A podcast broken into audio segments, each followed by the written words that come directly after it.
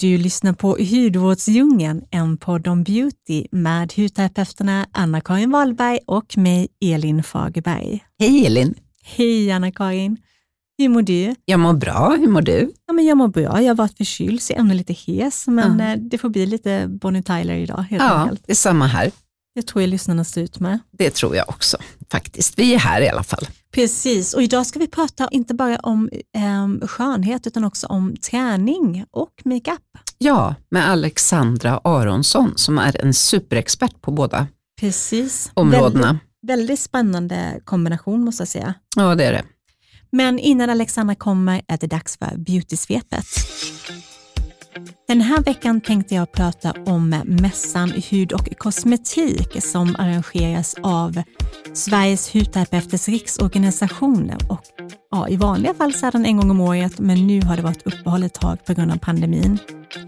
Jag har under några år varit ansvarig för pressloungen och träffat alla mina härliga journalist och influencerkollegor och tagit hand om dem under mässan.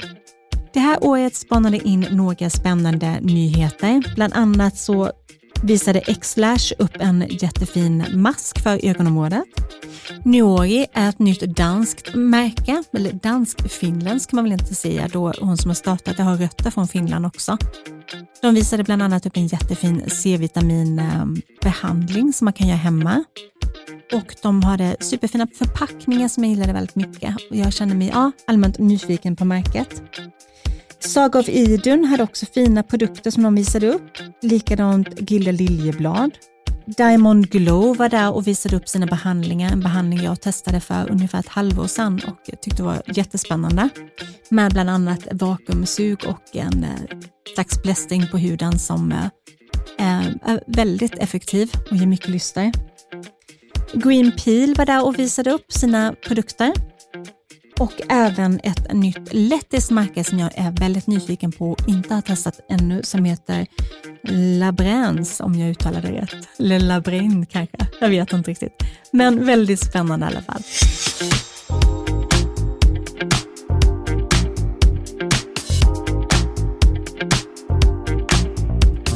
Hon lyfter tunga vikter och lätta penslar balansera mellan crossfit, kvinnohälsa och att sminka för bland annat Casall, DV, King Magazine och Molly Sandén. Välkommen till hudvårdsdjungeln Alexandra Aronsson.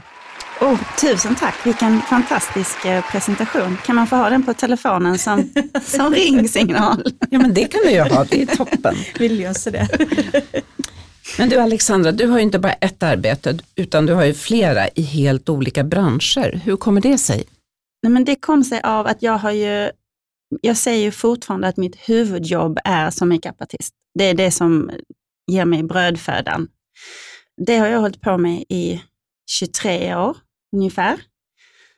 Och jag kände väl någonstans att jag även ville, till slut ville jag även göra någonting annat. För när man jobbar som frilans så är det också så att du har antingen jättemycket att göra och sen kan du ha perioder när du har mycket mindre att göra. Så att tiden fanns för att göra någonting annat.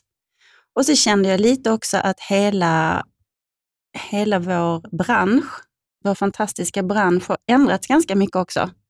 De här 20 åren som jag har jobbat. Ja, det har den. Så att jag, nej men jag kände att jag ville få in någonting annat också och träning är ju min andra stora passion. Så då utbildade jag mig till eh, personlig tränare och tänkte först att jag bara skulle göra det för min egen skull, för att nörda ner mig lite i ämnet. Och sen bestämde jag mig för att prova att ha lite, eh, några kunder. Jag skulle ha en fyra, fem stycken tänkte jag. Men eh, nu har jag runt 20 stycken. Oj! Ja, det är mycket och tycker att det är hur kul som helst. Och det funkar så bra att eh, kombinera det här. Men om du har 20 kunder, kommer då alla en gång i veckan ungefär, eller? De ska ju göra det, men eh, livet är ju livet. Det finns eh, vab och eh, sjukdomar och annat som gör att det blir ju inte riktigt en gång i veckan för alla. Nej. Men en bra vecka kommer alla. Precis, det är ju superbra. Men, men när, när hittar du intresset mellan liksom, träning och kvinnohälsa som du håller på med mycket nu? Jag tror att det började själv när jag, kände, när jag själv kände vad träningen gjorde för mig. Jag har ju väldigt svår PMS och har alltid haft det. Och den har blivit värre med ålder och med, eh, efter varje barn jag har fött. Nu låter det som att jag har 20, men jag har, två, jag har två barn. Och jag kände själv hur mycket bättre jag mådde av, eh, av träning. Mm. Så då För vad gav det? det ena det andra. Liksom. Precis, och det, det tror jag alla känner som, som tränar oavsett om det är raska promenader eller ett hårt pass på gymmet, att man mår bättre efteråt. Men vad är det som händer i kroppen eller i huvudet när man tränar som gör att man får den här må bra-känslan efteråt? Kan du förklara det på ett enkelt sätt? Men det är ju, du, du utsöndrar ju liksom lyckohormoner. Det är det som händer helt enkelt Ja, eh, i kroppen, som gör dig glad och får dig att må bra. ja. Och, och hur mycket träning krävs för det? Är det egentligen bara en rask promenad eller är det ett hårt pass? Vad tror du? Jag tror egentligen att det skulle räcka med en rask promenad. För det kan jag ju känna själv om man har en, en riktigt dålig dag och du har inte riktigt orkat göra någonting. Att bara komma ut i naturen Mm. och gå runt, det hjälper ju så otroligt mycket. Ja, Så all, all typ av motion är Mm. bra. Men du har ju det här eh, Makeup Your Fitness också tillsammans med din vän Annika. Mm. Kan inte du berätta lite om det? Jo, jättegärna. Det var ju någonting som kom, eh, kom till en sommardag 2017 efter kanske två glas vin. Så satt vi och pratade, för det, Annika är då min bästa väninna. Hon jobbar som barnmorska i Ystad och har gjort det i 17 år. Så hon brinner ju för kvinnor och kvinnohälsa. Och hon har också hållit på jättemycket med träning själv och har mammaträning och gravidträning och det har hon haft i över tio år. Så satt hon och jag och pratade om hur vi skulle kunna, dels hur vi skulle kunna hitta på att göra någonting ihop och få ihop våra intressen eh, och våra yrken. För vi tyckte liksom att när man tog ihop allt det här med hennes kompetens om eh, hormoner och kvinnor och mitt om eh, skönhet och kost och hälsa, så blev det ju en helt perfekt kvinnodag. Och att vi också kände att kvinnor behöver liksom, vi behöver bli lite bättre på att göra saker för oss själv. Generellt är vi väldigt dåliga på det. Så vi ville ha ett, eh, ja, men en samlingspunkt för det och att kvinnor skulle träffas i olika åldrar och bara vara tillsammans och prata och ha det härligt och träna och svettas. Och, ja, det var så Gud det kom till. Mm. Och det här har ni då på olika ställen i Sverige, stämmer det? Ja, det stämmer. Vi, hade, vi hann ju ha några stycken innan pandemin kom. Då var vi faktiskt mest i Skåne. Vi har, det har varit eh, svårare att hitta en bra, ett bra ställe att vara på uppe i eh, Stockholm. Eh, men nu ska, vi, nu ska vi försöka här med. Så tanken är att vi ska vara eh, i Nacka faktiskt den första oktober och ha vårt första event i Stockholm där. Åh vad spännande. Mm, verkligen. Och hur många är det då ungefär i en grupp? Vi försöker att inte vara mer än 15-16 stycken för att vi vill hålla det litet och intimt. För man pratar om väldigt, det är väldigt intima saker som kommer fram. Mm. Och man pratar om, vi pratar ju om saker som man kanske inte vågar prata om på andra ställen, som kissa på sig, Mm. som man kanske gör efter man har fött barn eller andra problem som har med just kvinnohälsa att göra, som man kanske inte är så bekväm att sitta och prata om i stora, eh, i stora sammanhang. Nej men precis, det är nog klokt.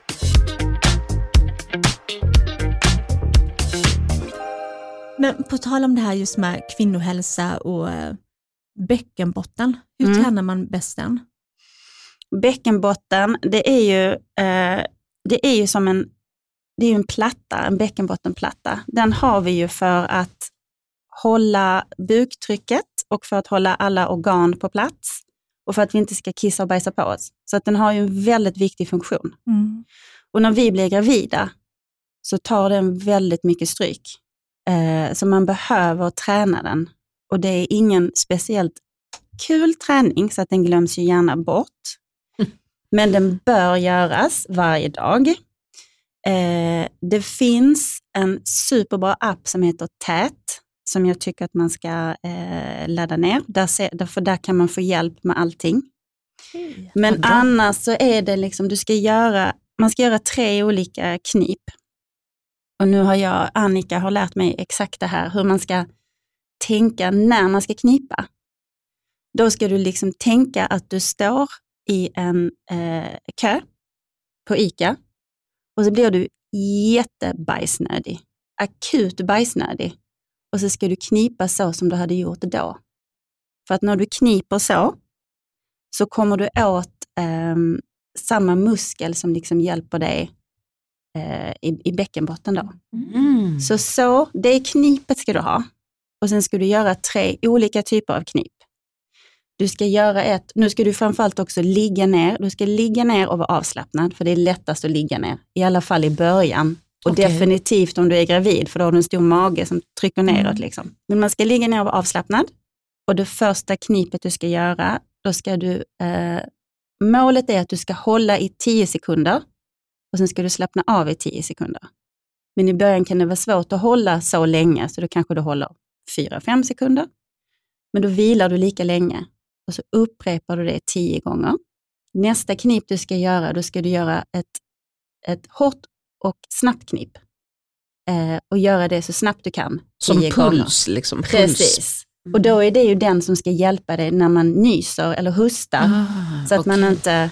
Eller hoppa på gymmet. Eller hoppa på gymmet. Mm, absolut. Eh, och det sista knipet är ett uthållighetsknip. Då ska du hålla så länge du kan. Så gör man alla de tre, och det behöver inte ta så himla lång tid, men gör man alla de tre och gör man dem varje dag, så får man jättebra resultat av det. Mm. Eh, men det finns ju till och med en liten eh, apparatur som man kan eh, föra upp i underlivet och så har man som en konsol kopplad till den så att man kan spela spel. Det är och, underbart. Helt fantastiskt och som jag har förstått det så kan du också göra detta med en eh, väninna. Så att man kopplar upp sig då till tvn och så kan man eh, sitta och spela, eh, spela som ett tv-spel. Eh, så att man, ja, den, den som kniper bäst vinner helt enkelt. Jag kan inte allt om den, men jag ska definitivt eh, kolla upp det, för jag tycker det låter väldigt intressant. Väldigt, väldigt spännande. Jag tänkte på en sak som du sa precis innan, att det är graviditeten som, som påverkar bäckenbotten. Mm. För jag tror att många tror att det är själva förlossningen som, mm. som förstör och mm. inte ja. ja. Du får ju mer, om du föder vaginalt mm. så får du ju ännu mer, eh, då blir det ju ännu Pressen, mer press. Ja. Men även om du gör kejsarsnitt mm. så har du ändå varit gravid och kroppen går ju igenom otroligt mycket och det precis. är ju väldigt mycket tryck neråt just, just åt bäckenbotten. Ja men precis. Så det handlar inte bara om Nej. Eh, förlossningen. Jag tror att det är en vanlig missuppfattning ja, annars absolut. faktiskt, så att jag tänkte att det är en ja. bra grej att, att mm. ta upp faktiskt. Absolut. Det här är otroligt viktig information, egentligen för både män, män och kvinnor kanske, mm. kan man känna.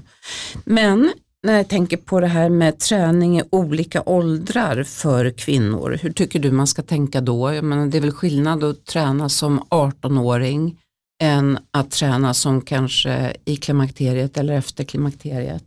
Ja, alltså själva träningsformen kanske inte är så himla olika. Det är väl mer hur man lägger upp träningen och hur hårt man tränar. Okej. Okay. Eh, så jag tycker det viktigaste framförallt är ju att du tränar. Mm. Och sen ger det sig lite, för när du är i 18-årsåldern eller lite uppåt, då kanske du har lite mer prestation. Du mm. kanske vill eh, ja, men du kanske har ett mål, du kanske ska tävla i någonting. Och när du blir lite äldre kan man naturligtvis fortfarande ha prestationsträning, men oftast handlar det då om att man tränar om för att man eh, vill må bra eh, och du vill stärka din kropp. Ja, och då kanske du inte tränar lika hårt. Men själva träningsformen ser nog, eller tycker jag ser ganska likadan ut. Jag har ju haft klienter som är allt från barn upp till ja, men 60-årsåldern. Och Mm. de gör i princip samma saker. Jag får ju bara moderera lite hur mycket man gör och hur tungt man kör. Ja, precis. Men möter du många som går liksom åt fel håll när träningen har gått för långt? Att man tränar av, ett, av en besatthet och beroende istället? När man blir Eh, för kroppsmedveten istället för att träna för hälsans skull? Nej, jag har faktiskt haft tur där med Mm. de som har kommit till mig. De, eh, jag har faktiskt inte haft någon som har eh, blivit för besatt, utan det har varit eh, för att de, de kan ju komma till mig och naturligtvis vill jag gå ner i vikt. Men då har det ändå varit en hälsosam, ur en hälsosam aspekt. Inte att man har fastnat i det.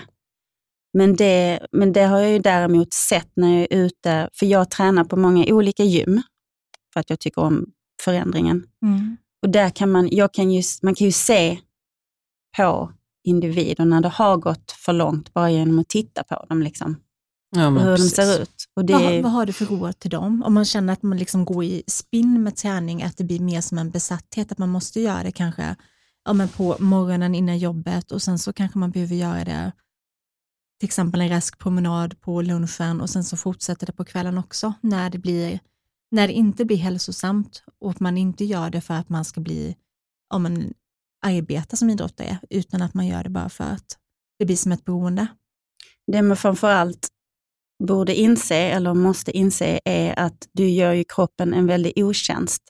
För att kroppen kan inte ta åt sig all den där träningen. Så att du hjälper inte kroppen.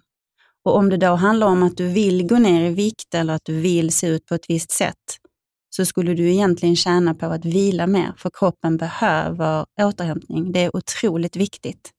Så det hjälper inte att bara träna mer och eh, äta ett salladsblad, utan vi behöver liksom träna och du behöver äta ordentligt, oftast mycket mer än vad du tror att du ska äta Mm. och vila. Vila är otroligt viktigt för att, det ska, för att kroppen ska klara av det. Och det är väl också egentligen väldigt viktigt för psyket, att man ibland tar lite paus från allt egentligen. Ja. Absolut. Absolut. Jag tänker på att det finns ganska stora likheter eh, mellan att man, om man tränar för mycket, ungefär som om man använder, håller på med hudvård för mycket, som man Mm. ser mycket. Mm. Att du liksom skalar, skalar, skalar, pilar, pilar, pilar. Det är lite samma sak. Man måste bara skippa allting ibland och bara ta en dag när man bara kanske ger fukt eller när Mm. man bara ger vila. Mm. Där har vi, eller jag har varit där väldigt många gånger, Ja. Både med träningen och med hudvård. Ja, ja, men jag tror att det är lite samma grej. Liksom, ja. att ja, men det blir det. man blir överivrig. Mm. Lagom är bäst. Tråkigt men sant. Men för de som är, som i, i min station med småbarn, Mm. och så försöker man få in träning mellan vab och sen blir man själv smittad. Och sen så försöker man träna lite och sen är det vab igen. Mm. Säkert nu så som det varit under pandemiåren, det har ju varit mer vab än jobb nästan. Mm. Eh, vad har du för bra tips för den här liksom vardagsmotionen och hemmaträningen om man inte har möjlighet att komma iväg? Nu finns det ju någonting som också kom väldigt mycket under eh, pandemin, som jag själv började med till exempel. Det var att jag hade PT-kunder via Zoom, Mhm. så de kunde vara hemma. Så då kan man ju hitta någon som gör, för det tror jag de flesta PT eh, faktiskt gör också. Det finns ju det. Sen finns det online. Eh, det finns ju massa online-träning om du har den eh, disciplinen så du kan göra det hemma. Ut och gå, som sagt. Det finns ju väldigt många utegym Ja, det har eh, runt om i stan ökat. där man, kan gå, eh, där man skulle kunna vara med. Mm. Men sen framförallt också att man ska försöka, och det här vet jag att det är väldigt mycket lättare sagt än gjort, men att man får försöka att inte bli stressad av det där, utan verkligen försöka tänka att så här, så här är det nu.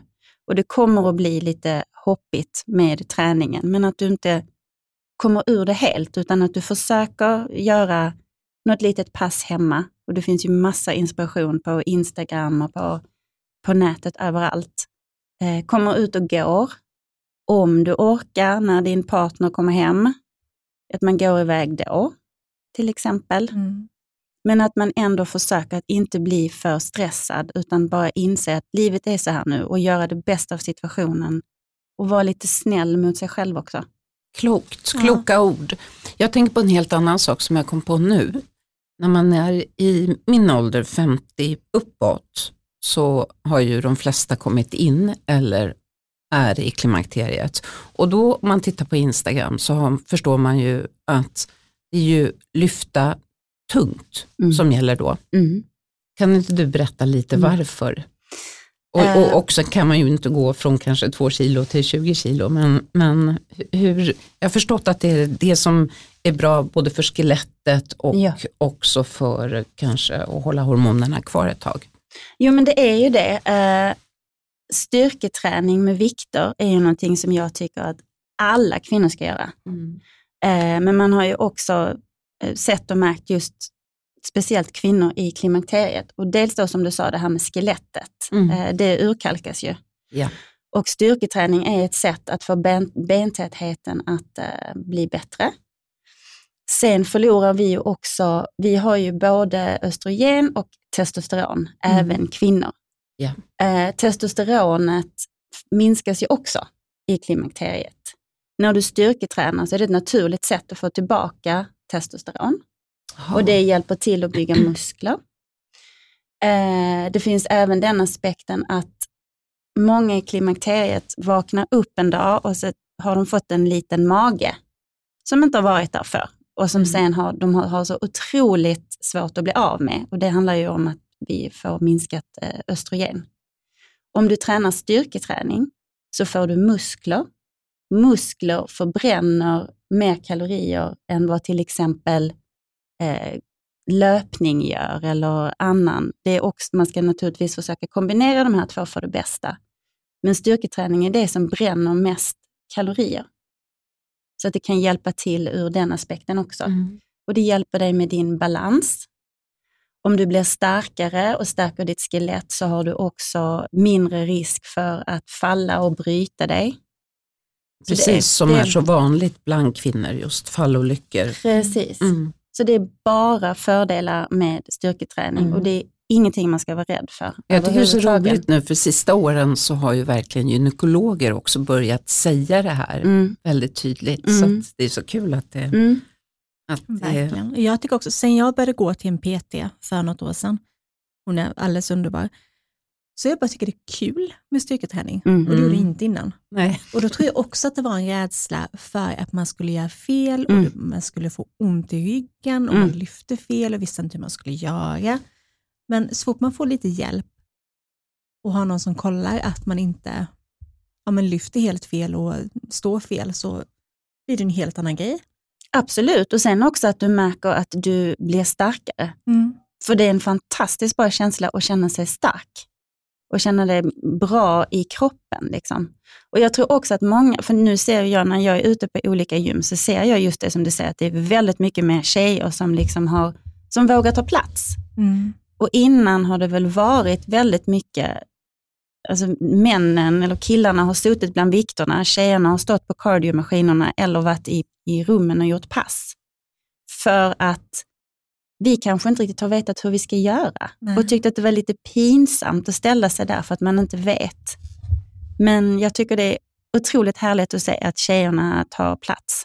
Ja, jag tycker också jag har sett på gymmet, jag tänkte på det för några veckor sedan jag var där, så såg jag två stycken tjejkompisar i typ 20-årsåldern någonting, som började liksom bli ganska biffiga på mm. ett väldigt coolt sätt. Och man mm. såg på dem att de var riktigt starka. Mm. Det fanns ingen tendens hos dem att träna för att bli liksom smal och liten och nätt, som det var när jag var i den åldern, mm. det bara var fokus på det. Mm. Utan de ville bli, de ville bli liksom starka och stabila och coola på mm. sätt. Och det var så himla härligt att se. Mm. Det, är ju, det är ju väldigt mycket rumpfokus på eh, gymmen kan man ju säga. Mm. Bland tjejerna då speciellt. Så det är ju fortfarande en, en liten uppdelning med att killarna sitter och pumpar biceps och gör bänkpress och tjejerna står och, och jobbar rumpa. Men eh, så länge de... Eh, det har också blivit, som du sa, det har blivit mer accepterat inom situationstecken att ha muskler som tjej. Mm. Mm. Och att inte bara vara lång och, och, och slank. Nej, men precis.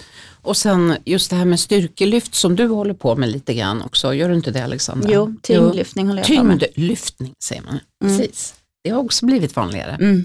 Mm. Det har det och vi har eh, jättemånga, eh, det finns ju både tyngdlyftning och styrkelyft. Styrkelyft är eh, marklyft, bänkpress och benböj när man har en stång på axlarna och går ner. Och tyngdlyftning det är olympiska lyft, Aha, okej. eh, två stycken. Och styrk, speciellt styrkelyft, det andra, inte det som jag håller på med, där har vi superduktiga tjejer i Sverige.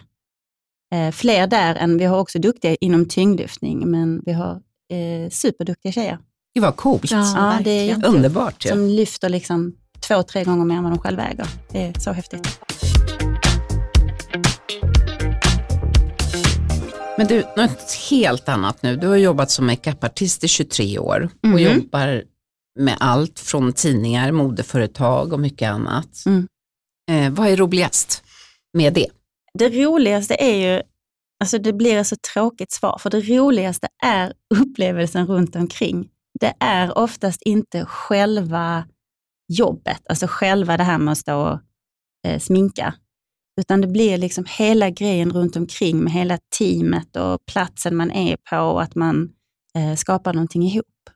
Eh, men under mina 23 år så har jag ju fått vara, jag har rest otroligt mycket, eh, så att jag får vara på jag har ju stått ute på eh, safari i Kenya och eh, plåtat bland giraffer och eh, zebror bland annat. underbart. Helt fantastiskt. Så det blir ju det som blir att man träffar så otroligt mycket olika människor. Jag får komma till platser som jag antagligen inte hade kommit till själv, privat. Så det blir liksom allting runt omkring det. Mm. Men hur skulle du beskriva att en makeupartist arbetar? otroligt mycket mer oglamoröst än vad man tror, för det första. Eh, det är ju alltid vi som börjar. Vi är ju där tidigast på morgonen med eh, modellen. Det är vi som, vi blir också lite psykologer. Vi måste ju, kommer det en modell till mig som har en dålig dag, så måste jag ju få igång henne lite, så att hon sätter tonen för resten av dagen. Och sen har man oftast det lite stressigt där på morgonen, för då ska man fixa och det ska helst gå så snabbt som möjligt. Sen är man med under dagen och eh, antingen så, eh, du är med framför kameran då och ser så att allting ser fint ut. Och sen så eh, ibland ändrar man makeup och ibland så är man bara med liksom och duttar och ser till att eh, eh, det ser fint ut. Men jag har också lärt mig under alla de här åren att man blir lite som, min roll blir också lite som mamma, så att man ska alltid ha huvudvärkstabletter med sig, eh, tamponger, eh, lite sådana saker. Ja. Så man, ja, man blir lite mamman till modellerna helt enkelt. Och sen så är det mycket, vet ni jag är ute och jobbar också, det är mycket väntetid. Mycket väntetid. Först stressa, Absolut. stressa och sen vänta. Ja, Och vänta. Mm. lite så. Man får lite tålamod i bagaget kanske. Ja, tålamod och sen någonting som jag har fått lära mig väldigt mycket är att eh, man måste vara otroligt anpassningsbar och du måste släppa din kontroll ganska mycket, för det handlar inte bara om dig. Du är ju en väldigt liten del i, den här stora, i det här stora eh, maskineriet. Mm. Så att man, för mig har det varit väldigt bra för att jag hade ett otroligt kontrollbehov. Det har jag i vissa fall fortfarande. Men man har blivit mycket mer um, chill. Jag har liksom lärt mig att saker och ting löser sig och man, man får anpassa sig och man fixar saker. Eh, även om det håller på att gå åt skogen så hittar man alltid någon lösning. Oftast blir det ju så Ja. Precis. faktiskt. Men jag tänker också att du sa ju innan att branschen har förändrats mycket under de här åren. Mm. Vilka förändringar ser du? Det, ett väldigt roligt exempel där är att nu har jag ju jobbat väldigt länge och kallas, då är jag en av de gamla rävarna. När jag träffar eh, nya makeupartister som bara jobbat något år, då säger de så här till mig, åh, då jobbade du på den tiden när det fortfarande var glammigt. Okej. Och med det menas, det, det som har ändrat, det är ju, eh, först och främst så fanns det ju inte, eh, vi jobbade ju inte ens digitalt när jag började, utan det var ju analogt, så man Mm. höll på med polaroider och kamerarullar. Så att vi visste ju inte ens hur det såg ut faktiskt, riktigt när vi var klara med jobbet. Eh, och vi, eh, man jobbade, nu tycker jag att man, man jobbar mer för, för mindre, det blir ju då nästan för mindre betalt kan man säga. Det har blivit en annan, det har skiftat lite, det är lite mer maskineri nu. Mm. Eftersom allting kom med um, um, all e-com, alltså att man kan uh, gå in på och köpa kläder via nätet. Mm. Då ska man ju ta bilder till allt det där. Det blir ju mer en fabriksgrej, för då är det så otroligt mycket bilder som ska tas på en dag. Så var det ju inte då heller. Sociala medier har ändrat det väldigt mycket. Hur, eh, ett exempel är ju då att när jag började så kunde vi, då kunde man ringa vilket märke som helst och säga att hej, jag är makeupartist, jag jobbar med det här och det här, jag skulle jättegärna vilja prova dina saker. Skickade de massa saker till en. Nu händer ju inte det för att det finns influencers som kan mm. visa samma sak och få eh, mycket bättre spridning för dem. Nu är det en liten parentes i det hela, men det är ja, en, en, av, ja, en, en av ändringarna. Så mm. Jobbet har ändrats mm. helt enkelt. Det känns inte, för mig är det inte, för mig personligen så är det inte lika kreativt längre. Det är mer ett, det låter så konstigt, men ett vanligt jobb. Mm. Än ett lite konstnärligare jobb. Men om man då ser på, ja men från 00-talet, det var liksom Paris Hilton och det var eh, Christina Aguilera och de trendsättarna. Mm. Hur tycker du att trenderna har förändrats? Och finns det någon trend du skulle vilja ta tillbaka igen eller se igen? Jag tycker att alla, jag, jag det känns som att jag nästan har gått ett varv. Alltså mm. Alltså som att de trenderna som var när jag började, de är ju tillbaka nu igen. Mm. De tunna ögonbrynen. De tunna ögonbrynen och de minns jag med fasa för att jag hade dem själv. Jag hade en kompis som gjorde riktiga sådana här tunna ögonbryn så att man ser lite förvånad ut. som var så fina. Eh, nej men jag gillar ju själv, när det är, jag, gillar ju jag har ju själv inte så mycket makeup, jag gillar ju naturlig look, men jag gillar när det är, jag gillar mycket ögonbryn. Jag har, jag har lite svårt för de här tunna ögonbrynen till exempel. Jag är inte jätteglad att de är tillbaka. Men jag tycker som sagt att de flesta alltså, har liksom gått ett varv, så jag vet inte ifall det är någon som jag riktigt saknar. Eh, någon som jag inte saknar alls finns det ju dock. Och det är ju Berätta någon. Till exempel eh, Heroin Chic, eh, mm. när man skulle se så sliten ut som möjligt. Mm. Den har jag aldrig riktigt varit min. Med Kate Moss i täten. Precis, mm. med lite så mörk under ögonen och hela det där. Det, nej, den gillar jag inte. Sen kan jag tycka att det är jättekul med 80-tals look till exempel. Men då blir det ju nästan lite mer, för mig blir det lite mer på ploj. Mm. Men det är kul och jag kan ta vissa saker ur den. Och förnya det. Och förnya, ja. precis.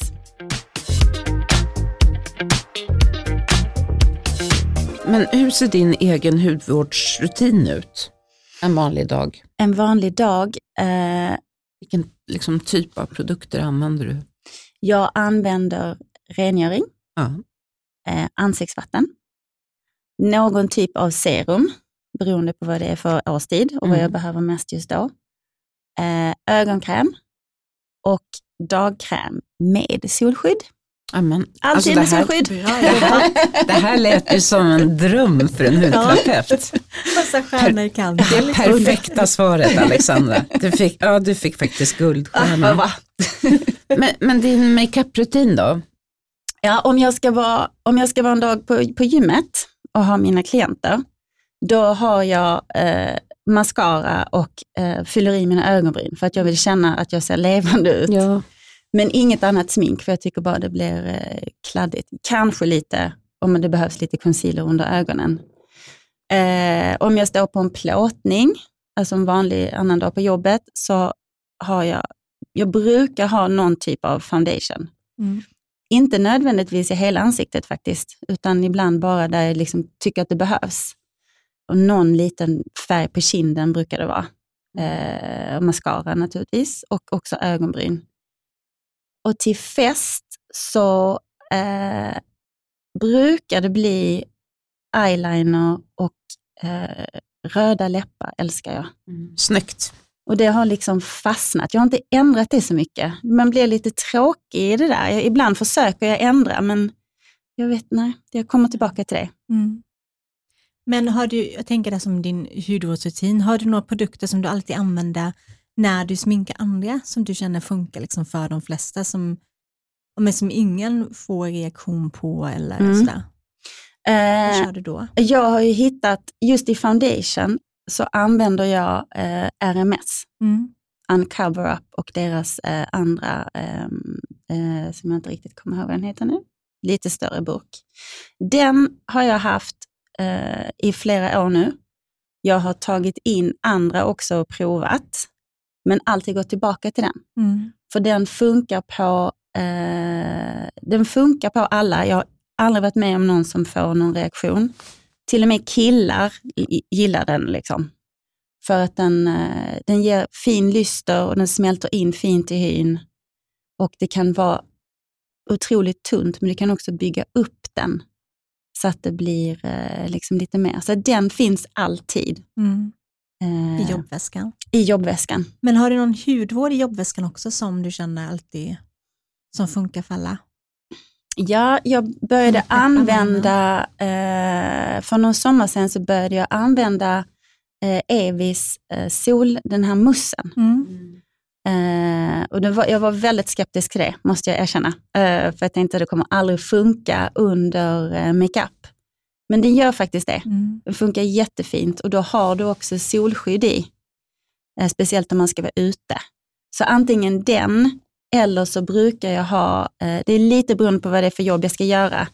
Ska jag göra ett beautyjobb så brukar jag ha, um, det är också RMS Beauty Oil under. Just det, den är också jättefin. Uh, som ger jättefin lyster och den blir bra uh, just med deras mm. foundation också. Så de brukar alltid finnas med. Bra tips.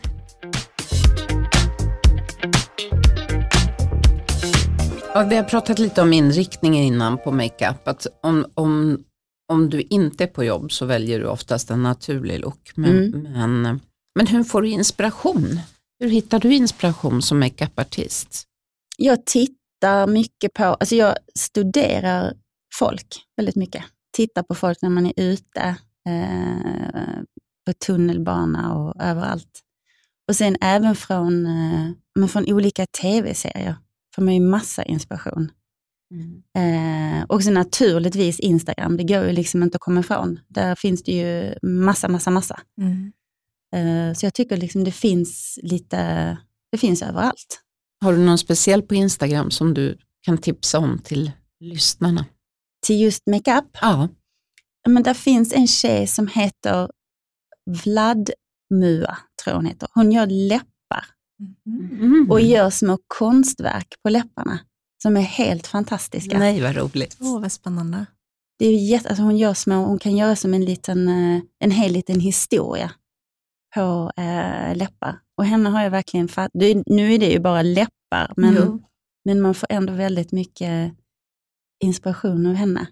Hon är Gud. otroligt duktig. Mm. Är det någon tv-serie som du har tittat på nyligen som du också känner att du fick inspiration ifrån?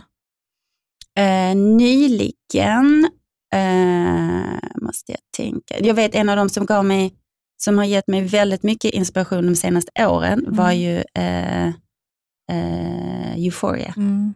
såklart. Men sen också så tycker jag om att se på när det är serier som har olika, som är olika årtionden.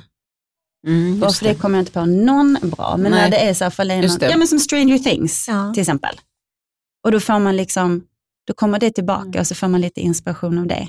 det. Så Stranger Things är nog faktiskt då den sista, för den tittade jag på sist, där jag verkligen kände så här, att jag ändå gillar den där 80-talsstilen.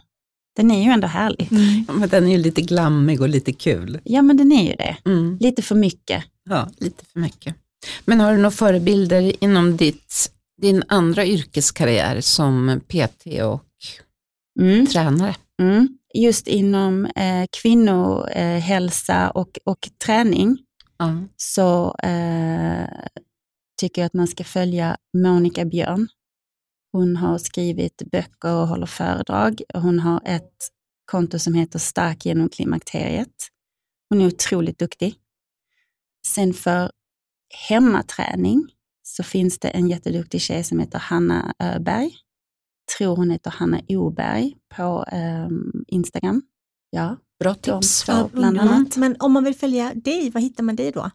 Då hittar man mig på uh, Alexandra understreck Aronsson. Underbart. Ska vi gå in och följa det också? Ja, det ska vi göra. Tack snälla för att du ville komma hit idag. Ja, men tusen tack Alexandra. Jättespännande. Tusen Verkligen. tack. Jag Lycka hoppas att alla gör sina knipövningar Ja. samt som de lyssnar. Det är också. väldigt ja, viktigt. Väldigt viktigt. Knip på nu. Knip på. Hej.